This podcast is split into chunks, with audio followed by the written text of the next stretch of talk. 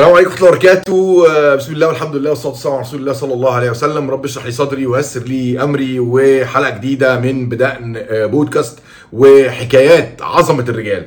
العظمة اللي معانا النهارده آه، عظمة عن الوفاء بالعهود عظمة عن الأخذ بالأسباب عظمة عن تربية الرجال. النبي صلى الله عليه وسلم ربى رجالته على كل حاجة فضلت معاهم سنين زرع جواهم القيم اللي عايز يوصلها. دايما بحب أذكر قبل ما نحكي الحكايات إحنا بنتكلم على إيه وعايزين نطلع بإيه من الحكايات دي مش مجرد بنحكي قصص وبنحكي آه حكاوي. لو بيعجبك المحتوى بتاع آه بدقن بودكاست آه بيسهل جدا وصوله وانتشاره للناس ال like وال share وال subscribe في أي منصة بتسمع عليها سواء يوتيوب أو أي منصة من منصات البودكاست اللي ممكن تسمع عليها آه، الحلقة وأنت ماشي وأنت سايق في المواصلات في أي حتة بتكون أسهل لأن الحلقة طويلة حوالي 25 دقيقة. آه ندخل في الحكاية على طول وهي حكاية آه الهجرة. تخيل آه، مش قصة الهجرة كلها لكن لقطة معينة من الهجرة. تخيل تحالف مجموعة تحالف بلاد كلهم قرروا إن هم يتبعوا رجلين. تخيل أنت نفسية الرجلين دول تبقى عاملة إزاي. وهم هربانين من من مكة رايحين على المدينة. مكة دي يعني قريش أعظم العرب ومتحالفة مع كل العرب ومطلوب إن هم الاثنين مطلوب رؤوسهم. وهم رايحين على المدينة مش عارفين هيعملوا إيه ولا هيروحوا فين ولا حتى هيباتوا فين ولا هم هيقوموا الإسلام ده إزاي ولا المهاجرين اللي هم واخدينهم معاهم من مكة أو اللي سبقوهم على مكة آه هي... هيعيشوا إزاي في المدينة آه اهاليهم أهالي المهاجرين دول اللي هم سايبينهم في مكة هي- هي- قريش هتعمل معاهم إيه؟ تخيل نفسية النبي صلى الله عليه وسلم وصاحبه سيدنا أبو بكر الصديق في ال- الموقف ده. في وسط اللقطة الكبيرة دي تعالى نعمل زوم على لقطة آه وفي وسط الطريق والنبي صلى الله عليه وسلم بعد ما أخذ بالأسباب وزي ما بقول لكم إحنا عايزين يعني قد إيه النبي صلى الله عليه وسلم بيوحى إليه من السماء؟ سيدنا جبريل بينزل له آه يعني ممكن يخلي كل الموضوع على الله لكن هو اليقين في قلبه صلى الله عليه وسلم والأسباب بيأخذ بكل الأسباب اللي تنجيه من الأمر ده. فاخذ الدليل الخبير بالطريق أخذ طريق غير أقصر الطرق من مكة والمدينة أخذ طريق تاني طريق الساحل وخلاص يعني المفروض إن هم ما يعرفوش يوصلوا لنا. ولكن أبو سفيان كان راخر بياخد بالأسباب. كبير قريش جاب واحد عليم بالطرق. عارف كويس قوي أنت لو مش هتمشي من الطريق الأصلي ده هتفكر كل ال- ال- الأدلة خلاص هي شغلتهم فهم بيفكروا زي بعض. فهم فهو عارف هم ممكن لو ما مشوش من الطريق الأصلي يمشوا منين. فعمل أبو أبو سفيان جايزة كبيرة ضخمة جدا جدا للي هيقدر يوصل للنبي ولسيدنا أبو بكر الصديق قبل ويقتلهم أو يجيبهم قبل ما يوصلوا للمدينة. وفعلا سراقة ابن مالك الخبير بالطرق قدر إن هو يوصل للنبي صلى الله عليه وسلم ولسيدنا أبو بكر الصديق في نص الطريق. كل المطلوب إن هو يعني حتى لو مش هيقدر يجيبهم إن عفوا إن هو يرجع لقريش ويبلغهم مكانهم هم يروحوا يجيبوهم. فخلاص خدنا بالأسباب توكلنا على الله خدنا الدليل عملنا كل حاجة. لما تيجي مشكلة زي دي الله سبحانه وتعالى يعني يتدخل لحماية نبيه صلى الله عليه وسلم وصاحبه أبو بكر رضي الله عنه وكل ما يحاول سراقة ابن مالك يقرب بالفرسة بتاعته من النبي وسيدنا أبو بكر الصديق إيه؟ تنزل حوافر أو آه، رجلين الخيل في تغرس في الرمل. وكل ما يحاول يرجع يبعد عنهم إيه؟ خلاص آه، الفرس تمشي. طب ما كان ممكن يمشي. لكن بذكاء النبي صلى الله عليه وسلم وبفطنته قال له يا سراقة لو لم تدل علينا أعدك بسواري كسرى.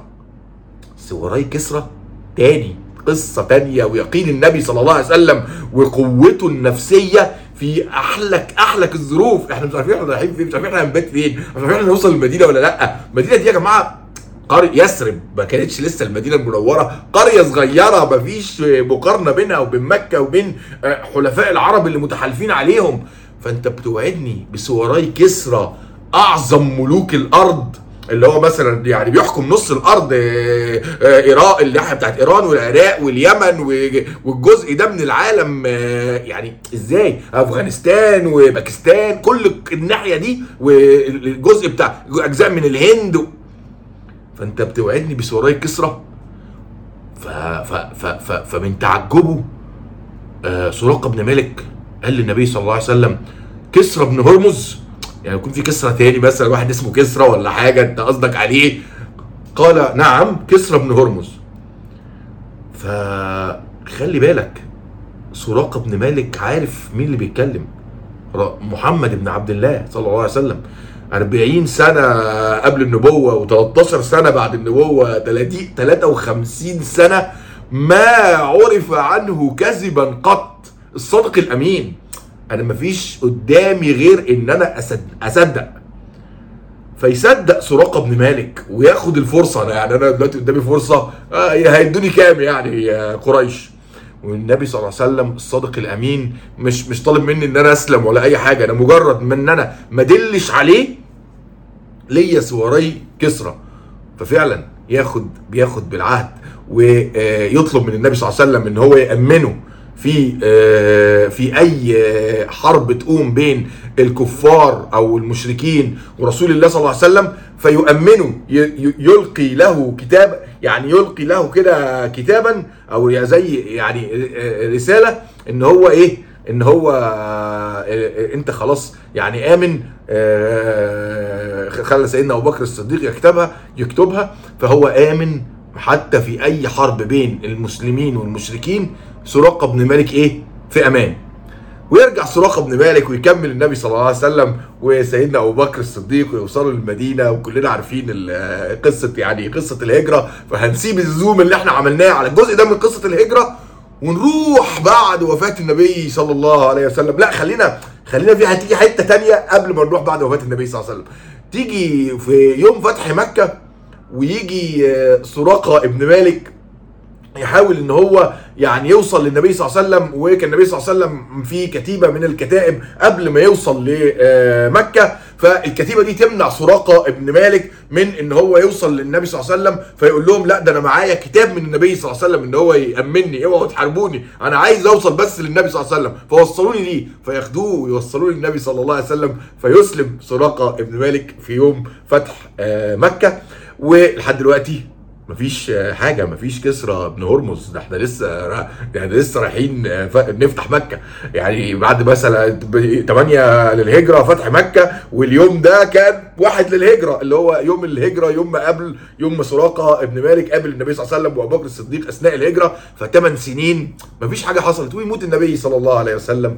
ويجي من بعده آه، خليفة رسول الله صلى الله عليه وسلم آه، الصديق أبو بكر ويموت سيدنا أبو بكر الصديق وتأتي خلافة عمر بن الخطاب وتبدأ فتوحات آه، فارس لغاية سنة 23 هجريا. بعد موقف بعد وعد النبي صلى الله عليه وسلم ب 23 سنة. أنت متخيل؟ 23 سنة من وعد النبي صلى الله عليه وسلم لسراقه بن مالك بسواري سواري كسرى. تيجي بملك أو أو غنائم كسرى إلى سيدنا عمر بن الخطاب آه، في المسجد. آه، وتحت رجليه قدام المسلمين. فيسال سيدنا عمر بن الخطاب أين سراقة بن مالك؟ بعد وكان يعني كان هو بقى دلوقتي راجل كبير شوية كبير في السن فيأتي سراقة ابن مالك فسيدنا عمر بن الخطاب يديله وعد رسول الله هاك هاك وعد رسول الله صلى الله عليه وسلم. فيعني شوف يجي عمر سيدنا عمر الخطاب يوفي بوعد رسول الله صلى الله عليه وسلم وصاحبه لسراقه ابن مالك ويديله سواري كسرى ابن هرمز. قد إيه قد إيه يا جماعة؟ قد إيه صحابة رسول الله صلى الله عليه وسلم آه ده يعني حاجة يقين على الله سبحانه وتعالى. وفاء للعهود آه أخذ بالأسباب. قصص قصص القصص من السيرة وقصص الصحابة بتبين لنا إحنا إحنا ال- الاتباع النبي صلى الله عليه وسلم مش مجرد صلاة وصوم وأذكار وطبعا ده يعني مهم جدا لكن هي حياة كاملة حياة كاملة. شوف إحنا مش عارفين يمكن في المرحلة دي من عمر أو أو حياة المسلمين هي الدنيا رايحة فين وجاية منين؟ وهزيمة للمسلمين في كل مشارق الأرض ومغاربها. يعني الواحد مش محتاج يقول فين ولا فين. مسجد الأقصى متاخد من المسلمين. ولكن في هزيمة نفسية شديدة جدا. ولكن بص على نفسية النبي صلى الله عليه وسلم اللي انت بتتبعه اللي انت بتصلي عليه صلى الله عليه وسلم كل وقت وحين الصلاة اللي انت بتصليها محتاج كمان نفسية اتباع النبي صلى الله عليه وسلم في نفسيته. مش بس في أفعاله مش بس في القرآن والسنة لا كمان في نفسية النبي صلى الله عليه وسلم. في أحلك الظروف بيوعد بسواري كسرى. والناس بتصدقه بتصدقه ليه؟ لأن هو الصادق الأمين. لم يعهدوا عليه كذبا قط. حتى في الطلط إحنا بنتكلم يا جماعة الموقف ده مش مش أول ما النبي صلى الله عليه وسلم نبئ بعد 40 سنة من حياته معاهم فخلاص كان الصادق الأمين. وبعد 13 سنة فالضرورات تبيع المحظورات وبقى مثلا بي لا. حتى في ال 13 سنة اللي قعدهم معاهم في مكة قبل الهجرة كان الصادق الأمين. فهو لما قال للراجل ارجع إلى قريش ده حتى بيحكى عن سراقة ابن مالك إن في واحد من الناس آه، رجع لقريش وقال والله ده أنا شفت اتنين من آه، العرب آه، ماشيين ما تعرفش عليهم. بيقول لقريش يمكن يكونوا سيدنا محمد صلى الله عليه وسلم وأبو بكر رضي الله عنه فإيه؟ فسمع الكلام ده سراقة بن مالك كان رجع لقريش قال لا لا ده دول دول اتنين دول اتنين تانيين أنا شفتهم وأنا راجع. من كتر ما هو مصدق النبي صلى الله عليه وسلم بي بي بي بيخبي عليه وهو ما أسلمش ما أسلمش غير بعد 8 سنين في فتح مكة حتى وهو كافر واخد عهد ده حتى أنا بوريك بص الكافر نفسه بيوفي بعهده. مع إيه؟ أنا خلاص اتفقت معاك على حاجة خلاص. لو ما كنتش قبلت الاتفاق كنت قلت لك ما قبلتش الاتفاق. بصوا يا جماعة أخلاق الكفار. يعني سراقه بن مالك الكافر ده بصوا أخلاقه عاملة إزاي. يا جماعة إحنا محتاجين نراجع أخلاقنا. محتاجين نراجع الهزيمة النفسية اللي إحنا فيها. إن النبي صلى الله عليه وسلم هو في عز عز أحلك الظروف أنا مش عارف إحنا هنبات فين مش عارف المهاجرين دول هيباتوا فين مش عارف إحنا هنبني المسجد في المدينة ما كانش لسه اتبنى هنبنيه إزاي؟ المهاجرين اللي, متعذبين ومتبهدلين وهنسيبهم في مكة دول إيه وضعهم؟ مفيش أي حاجة نعرفها ولكن نفس يقين على الله سبحانه وتعالى الله ناصر دينه الله ناصر دينه سبحانه وتعالى. طب بتقول ده النبي صلى الله عليه وسلم وأوحي إليه. زي ما قلنا قبل كده ساعة حفر الخندق وبشرهم بفتح آه، آه، دي القصة دي يعني قصة إحنا حكيناها لكن لما كان في المدينة وكانوا عايزين يهجموا على المسلمين وعايز الأحزاب اتجمعت في غزوة الخندق على المسلمين وكان الصخرة مش عارفين يكسروها وهم بيحفروا الخندق قال إيه النبي صلى الله عليه وسلم فتحت فارس فتحت الروم. يقين على الله. طب ما اليقين ده جال للنبي صلى الله عليه وسلم الوحي. طب ما أنت جالك الوحي.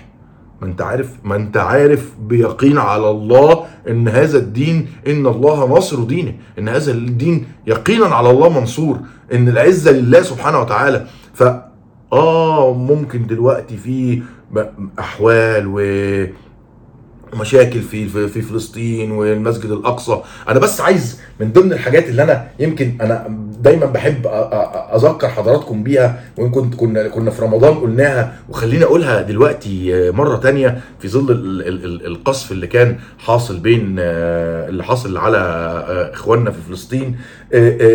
انت بتقول أنا دوري أنا ممكن اعمل إيه مثلا لفلسطين؟ قضية كمثال يعني. أنا ممكن فهنا هنا الشيخ الشيخ خطيب المسجد الأقصى الشيخ عكرمة صبري كان بيقول في رمضان اللي فات لما حصل الهجوم على المسجد الأقصى واقتحام المسجد والكلام ده يمكن كلنا شفناها في الإعلام كان بيقول للناس إيه؟ الدعم الإعلامي للمسجد الأقصى هو فرض عين ويتوجب على العلماء والدعاة والإعلاميين. بس لا وكل مسلم في أنحاء العالم يستطيع استخدام وسائل الإعلام ووسائل التواصل الاجتماعي أن يعمل على نصرة الأقصى المبارك. اوعى يا جماعة ادعم اتكلم عن القضية. عرف عرف ولادك عرف الناس اللي حواليك في الشغل عرف الناس اللي بيتابعوك على السوشيال ميديا عرف أي أنت أنت خليك آلة آلة إعلامية لقضايا المسلمين. من ضمن مثلا القضايا واللي اتكلمنا عليها قبل كده اللي بيحصل في السودان وال, وال, وال, يا رب يا رب يعني يرفع عنهم البلاء اللي حصل ده. يا جماعة ده, ده السودانيين دول كنا لسه كنا يعني بنفتكر في زلزال آه، سوريا وتركيا عشان نعرف بس إن قد إيه المسلمين دول جسد واحد. إحنا المفروض نكون جسد واحد. أنا يمكن بس طلعت عن الموضوع بس الكلام والله يعني أنا بحاول أغير نفسيات الناس اللي بتسمعني نغير نفسيات ال... ال... ال... بالحكايات دي نغير نفسية الهزي... الهزيمة النفسية اللي إحنا فيها. السودانيين دول ما كانش لسه عندهم حرب وهم يعني بسطاء جدا مجموعة مجموعة رجال مطافي اللي إحنا بنسميهم رجال المطافي اللي هم ال... الدفاع البدني دول اللي هم بتوع المطافي عشان بس نعرفوا فمجموعة بسيطة خدوها وراحت في الزلزال. كان عملت عملت شغل عالي أنقذت ناس في تركيا. أعداد كبيرة جدا لدرجة إن هم استشهد منهم اتنين. ده وهم بيعملوا أعمال الإنقاذ وإنقاذ الناس. بص لو كانوا يقولوا ده عم ده إحنا سودانيين ده إحنا غلابة ده إحنا آه امكانيات إمكانياتهم بسيطة جدا. لكن هم الفريق السودان أنا بتكلم على السودان كحكومة اللي ودتهم هم ما ما, ما, ما راحوش رحلة. ده السودان مودياهم بشكل رسمي عشان يساعدوا في الإنقاذ. ما قالوش يا عم إحنا هنعمل الناس دول أنا بقى لي بحكي الحكاية دي كلها الناس دول هم راجعين فيديو موجود على ال social media وهحاول أحطه لحضراتكم في ال- التعليقات. آه، آه، يعني وهم راجعين في مطار اسطنبول. مطار اسطنبول مطار كبير جدا وكان مزدحم جدا. المطار كله وقف كله يسقف للفريق السوداني ده اللي كان ما بيتذكر ال- التضحيات اللي هم عملوها في الإعلام وإن هم استشهد منهم اتنين أثناء عمليات الإنقاذ. بقى المطار كله كله وقف يسقف في فيديو. والله العظيم أنا لما بشوفه الواحد بالجسم بيقشعر من ال ال ال ال ال ال ال الشكر اللي لأهله فعلا ونادرا. ما ما ما ما, ما, ما يعطى الشكر لأهله. فده مثال على الشيخ آه، أكرمة صبري وهو بي بي بينادي المسلمين للكلام على قضايا المسلمين. هنا السودانيين لما وقفوا مع الأتراك يبقى واجب علينا كلنا إن إحنا نقف مع السودانيين دلوقتي في محنتهم نستضيفهم في بلادنا اللي جنبه جار سكن سوداني آه، يسأل عليه يساعده يشوفه ممكن يكون محتاج إيه آه، مش على قد قدر إمكانياتك على قدر إمكانياتك. محد يعني محدش هيقول لك أنت آه، قدم أكتر مما تستطيع. قدم ما عندك. والله سبحانه وتعالى يعني شوف ربنا سبحانه وتعالى يقول في الحديث القدسي من جاءني من جاءني يمشي جئته هرولا من جاءني شبرا جئته زراعا. ومن جاءني يمشي جئته هرولا فقدم قدم. انت يعني يعني أو كما قال رسول الله صلى الله عليه وسلم فأنت قدم اللي عندك. والله سبحانه وتعالى يعني عنده خزائنه. فسبحان فسبحان الذي بيده ملكوت كل شيء وإليه ترجعون. كل كل حاجة. إحنا ولا غيرنا؟ ما ما عند ربنا سبحانه وتعالى. واللي هنقدمه هنلاقيه عند الله سبحانه وتعالى. دي كانت كانت الحكاية بتاعت النهارده. حكاية آه، سراقة آه، آه، ابن مالك. وزي ما قلنا لكم آه، اتختمت بيه إن هو خد آه، سواري آه، كسرى اللي كان وعدهم بيه آه، رسول الله صلى الله عليه وسلم واداهم له عمر بن الخطاب وفاء وفاء لعهد النبي صلى الله عليه وسلم. آه، أتمنى إن إحنا نكون خرجنا من الحكاية دي آه، بأخلاق النبي صلى الله عليه وسلم. بأخلاق النبي صلى الله عليه وسلم في الصدق بأخلاق النبي صلى الله عليه وسلم في الوفاء بالعهود بنفسية النبي صلى الله عليه وسلم بالبعد عن آه، الهزيمة النفسية. آخر حاجة آه، بالنسبة لافريقيا والأضاحي في أفريقيا آه، إن شاء الله خلال الأسبوع اللي جاي آه، هنفتح أبواب باب الت- التبرع للأضاحي في أفريقيا آه، للاطعامات لدول المتضرره بالمجاعات والإعصار بالذات آه، ملاوي والدول المحيطة بيها. آه، في مصر آه، حاليا بفضل الله برضو الإطعامات بتبقى موجود ثلاث أيام في الأسبوع. اللي يحب يشارك برضو آه، يتواصل آه، معانا على ال- آه، الواتساب أو على آه، فيسبوك. آه، مش في مش في الأضاحي. في مصر في آه، قبل العيد وبعد العيد إن شاء الله. لكن آه، هنسافر إن شاء الله على أفريقيا حوالي قبل آه، قبل عيد الأضحى حوالي ب 20 يوم. وإن شاء الله إن شاء الله بإذن الله ربنا يكرمنا ونستلم المركز الإسلامي ال- الكبير في ملاوي اللي هيخدم ملاوي والدول الأفريقية المحيطة بيها. زي ما قلنا كان الإسلام فيها. واصل لاكثر من 80% وبسبب الجهود الغير المسلمين في الإطعام وفي السقيا وفي المساعدات خلت الناس دول يعني لا يعني لا يبقوا مسلمين ولا يبقوا غير مسلمين يمشوا مع ال- اللي بيساعدهم. فالحمد لله بفضل يعني بفضل ربنا سبحانه وتعالى بقينا إن إحنا نقدر إن إحنا يعني بالدعوة إلى الله وبالمراكز الإسلامية وبالمساعدات إن هم يرجعوا للاسلام وكمان يعني يجيبوا ناس من غير المسلمين يدخلوا في الإسلام. والله يعني أبسط أبسط الجهد. إحنا عملنا أقل من 10% من الجهد اللي بيعمله غيرنا ربنا سبحانه وتعالى هيفتح ليه؟ لأن ده جهد الحق يا جماعة. ده جهد الحق. الحق يعني الحق حق والباطل باطل. فالباطل مهما اجتهد هيفضل باطل والحق بأقل جهد. يعني الله سبحانه وتعالى بيفتح وزي ما خدنا يعني زي ما شفنا النبي صلى الله عليه وسلم صلى الله عليه وسلم بياخد بالأسباب مش بس بيقين يقين على الله في القلب وزي مثال الهجرة الأخذ بالأسباب.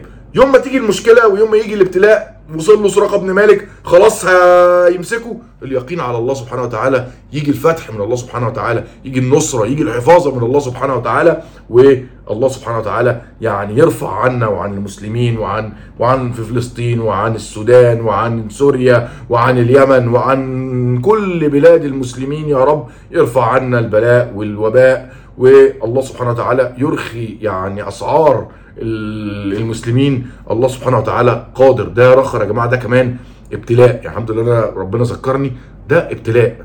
ولن يرفعه إلا الله سبحانه وتعالى. كل حاجة ليها أسباب. يعني الابتلاء ليه أسباب. ولكن محتاجين نلجأ إلى الله سبحانه وتعالى عشان يرفع عننا أسباب البلاء. دي كانت حلقة النهارده من بدقن بودكاست زي ما بفكركم دايما لو بيعجبك المحتوى وشايف إن هو محتوى نافع ال comment وال like وال share بيساعد جدا في وصول المحتوى للناس إن هي ممكن تنتفع بيه. وكمان ممكن تعمل subscribe على اليوتيوب أو على أي منصة من منصات البودكاست وتسمع الحلقة آه، وأنت في أي مكان آه، لأن الحلقة بتكون طويلة فالمشاهده آه، أو الاستماع بيكون أحيانا أفضل من المشاهدة. ونشوفكم إن شاء الله الحلقة الجاية. السلام عليكم ورحمة الله وبركاته.